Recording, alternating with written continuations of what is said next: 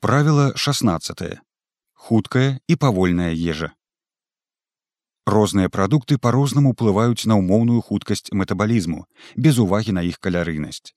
Некаторыя прадукты валодаюць большай здольнасцю стымуляваць паскарэнне працэсаў у клетцы.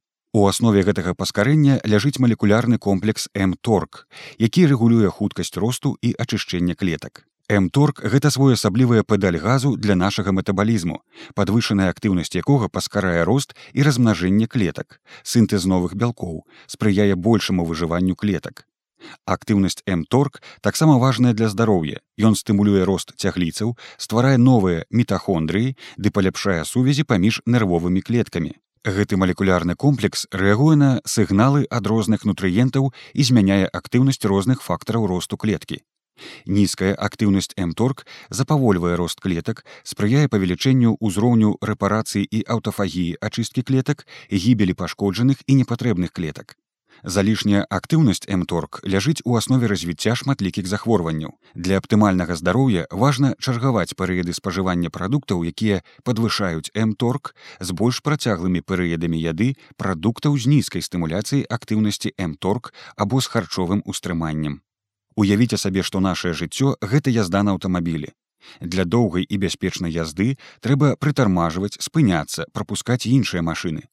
Калі ціснуць на педаль аўтамабіля вельмі моцна, да яшчэ і на нізкіх перадачах, то ён, вядома, будзе эфектна раўсці, але гэта можа прывесці да заўчаснага зносу рухавіка. Плыўны націск, правільнае выкарыстанне перадач падоўжыць жыццё машыне і дазволіць зэканоміць паліва. Так і з нашым арганізмам пажадана не злоўжываць хутка ежай, а знайсці правільны балянс. Як з'явілася праблема. Калі б нашага продка спыталі вэган ён ці мясаед, то яго адказ здзівіў бы нас. У дні вялікіх і малых постаў людзі мяса не елі.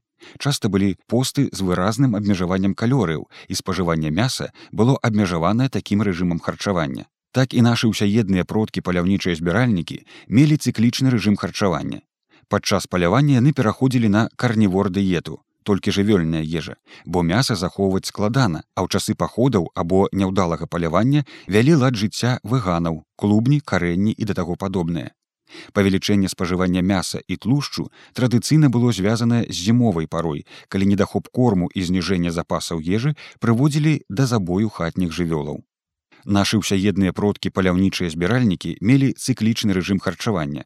Падчас палявання яны пераходзілі на карнівор дыету, толькі мяса, бо мяса захоўваць складана. А ў час паходаў або няўдалага палявання вялі лад жыцця выганаў, клубні, карэнні і гэтак далей. Калі ў нас ёсць шмат ежы вугляводаў або бялку і шмат калорыяў, то гэта падвышае актыўнасць М-торг, І гэты сігнал кажа арганізму, што цяпер часы багацця, значыць можна расці ды размнажацца. Уласна стары жарт пра тое, што мясаеды раздражняльныя праз мяса мае навуковае абгрунтаванне, бо залішняя стымуляцыя М-торг павялічвае ўзровень адрэналіну і актыўнасць стрэсавай сімпацыйнай сістэмы. Таму зніжэнне стымуляцыі прыводзіць да зніжэння энергічнасці і мясаеды маюць рацыю, што слабыя без мяса. Пагаворым пра гэта падрабязней як гэта ўплывае на здароўе. У аснове шматлікіх хваробаў і старэння ляжыць залішняя актыўнасць клетак. Гэта разрастанне атрасклератычных бляшак, паскораны рост ракавых клетак, гіпертрафія міякарду і да таго падобныя. Такія хваробы часта называюць эмторг залежнымі, бо яны часцей сустракаюцца ў краінах з высокім узроўнем спажывання хуткіх прадуктаў.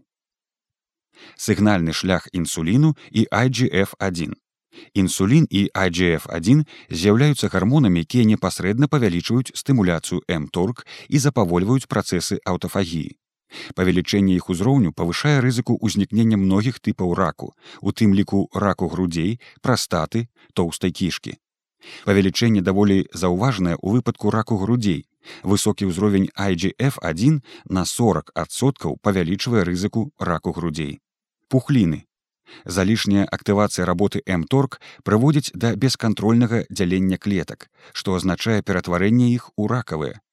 М-торг актыўна ўплывае на развіццё злаякасных пухлінаў, павялічваючы ангіягенез, рост новых крывяносных сасудаў у самой пухліне і вакол яе, што дапамагае раку расці.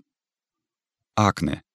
Акна з'яўляецца вонкавай праявай падвышанай актыўнасці мторг і частым прадвеснікам аддаленай рызыкі для здароўя. Нізкавугляводная дыета, якая ўключае прадукты з нізкім глікемічным індэксам і выключае малочныя прадукты, прыкметна паляпшае стан скуры, а заадно і вонкавы выгляд. Цікава, што ў карэнных народаў у розных кутках свету з'ява акна ў падлеткаў і ў дарослых цалкам адсутнічае. Імунітэт Залішняя актыўнасць мторг спрыяе выжыванню аўтарэактыўных клонаў клетак, што павялічвае рызыку аўтаімунных захворванняў. Увесь час на высокая актыўнасць мторг павялічвае запаленне. Метабалізм. Паніжэнне актыўнасці мторг паляпшае адчувальнасць цяглічных клетак да інсуліну, што абараняе ад развіцця дыябету ці запавольвае яго развіццё.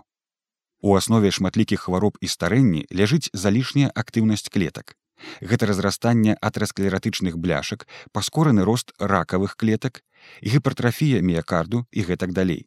Такія хваробы часта называюць мторг залежнымі бо яны часцей сустракаюцца ў краінах з высокім узроўнем спажывання хуткіх прадуктаў. Сардэчна-сасудістыя захворванні.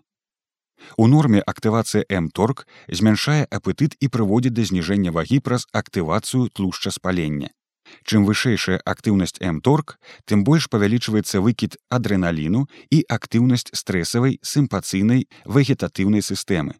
Менавіта таму інсулагенныя прадукты і дробавае харчаванне могуць паляпшаць самаадчуванне. Але ўвесь час падвышаны тонус сімпацыйнай сістэмы вядзе да падвышэння артэрыяльнага ціску і рызыкі гіпартэнзіі. Трывога, стрэс і выгаранне. У выпадку з гіперактывацыяй мторг нарастае актыўнасць сімпацыйнай сістэмы стрэс, а парасімпацыйнай расслабленне прыгнятаецца. Працяглае павышэнне сімпацыйнай актыўнасці ў людзей са схільнасцю павялічвае ўзровень турботы, трывогі і раздражняльнасці. Працяглая гіперактывацыя сімпацыйнай сістэмы рэжым хранічнага стрэсу прыводзіць да выгарання ці заядання праблемы. Аднаўленне залішняя актывацыя мторг гэта не толькі празмерны рост клетак але і прыгнятанне рэпарацый і аўтафагіі. Пры парушэнні аднаўлення ўзмацняецца назапашванне пашкоджванняў у клетках павялічваецца колькасць клеткавага смецця што з'яўляецца асновай развіцця мноства розных захворванняў. Неўрадэгенератыўныя захворванні больш высокі ўзровень IGF1 назіраецца ў пацыентаў з хваробай альцгеймера і яго ўзровень карэлюе з выяўленасцю сімптомаў. Старэнне. Важна разумець, што старэнне і дзяленне клетак гэта два бакі аднаго медаля. Тое, што стымулюе рост колькасці клетак у выпадку завяршэння росту арганізму, можа ўзмацняць працэсы старэння. Чым мацней мы стымулюем клеткі дарослага арганізму надмерам пажыўных рэчываў, тым хутчэй яны стареюць. Мутацыі ў генах інсуліну і IGF1 відавочна падаўжалі жыццё эксперыментальным жывёлам. Асноўныя прынцыпы. Важна чаргаваць перыяды высокай і нізкай мторг актыўнасці. Перыяды неактыўнага мторг важныя для аднаўлення клетак. Пастаянная стымуляцыя прыводзіць да таго, што нашы клеткі становяцца засмечанымі і страчваюць адчувальнасць да сігналаў арганізму. Зразумела, актыўнасць мторг будзе падаць, калі мы не яму зусім, але паўплываць на актыўнасць можна не толькі голадам, але і выбарам прадуктаў. Прадукты харчавання маюць розны ўплыў на актыўнасць мторг. Ёсць неўтральныя прадукты, якія стымулююць мторг прапарцыйна колькасці калорыяў. А ёсць хуткія прадукты, якія стымулююць мторг нашмат мацней.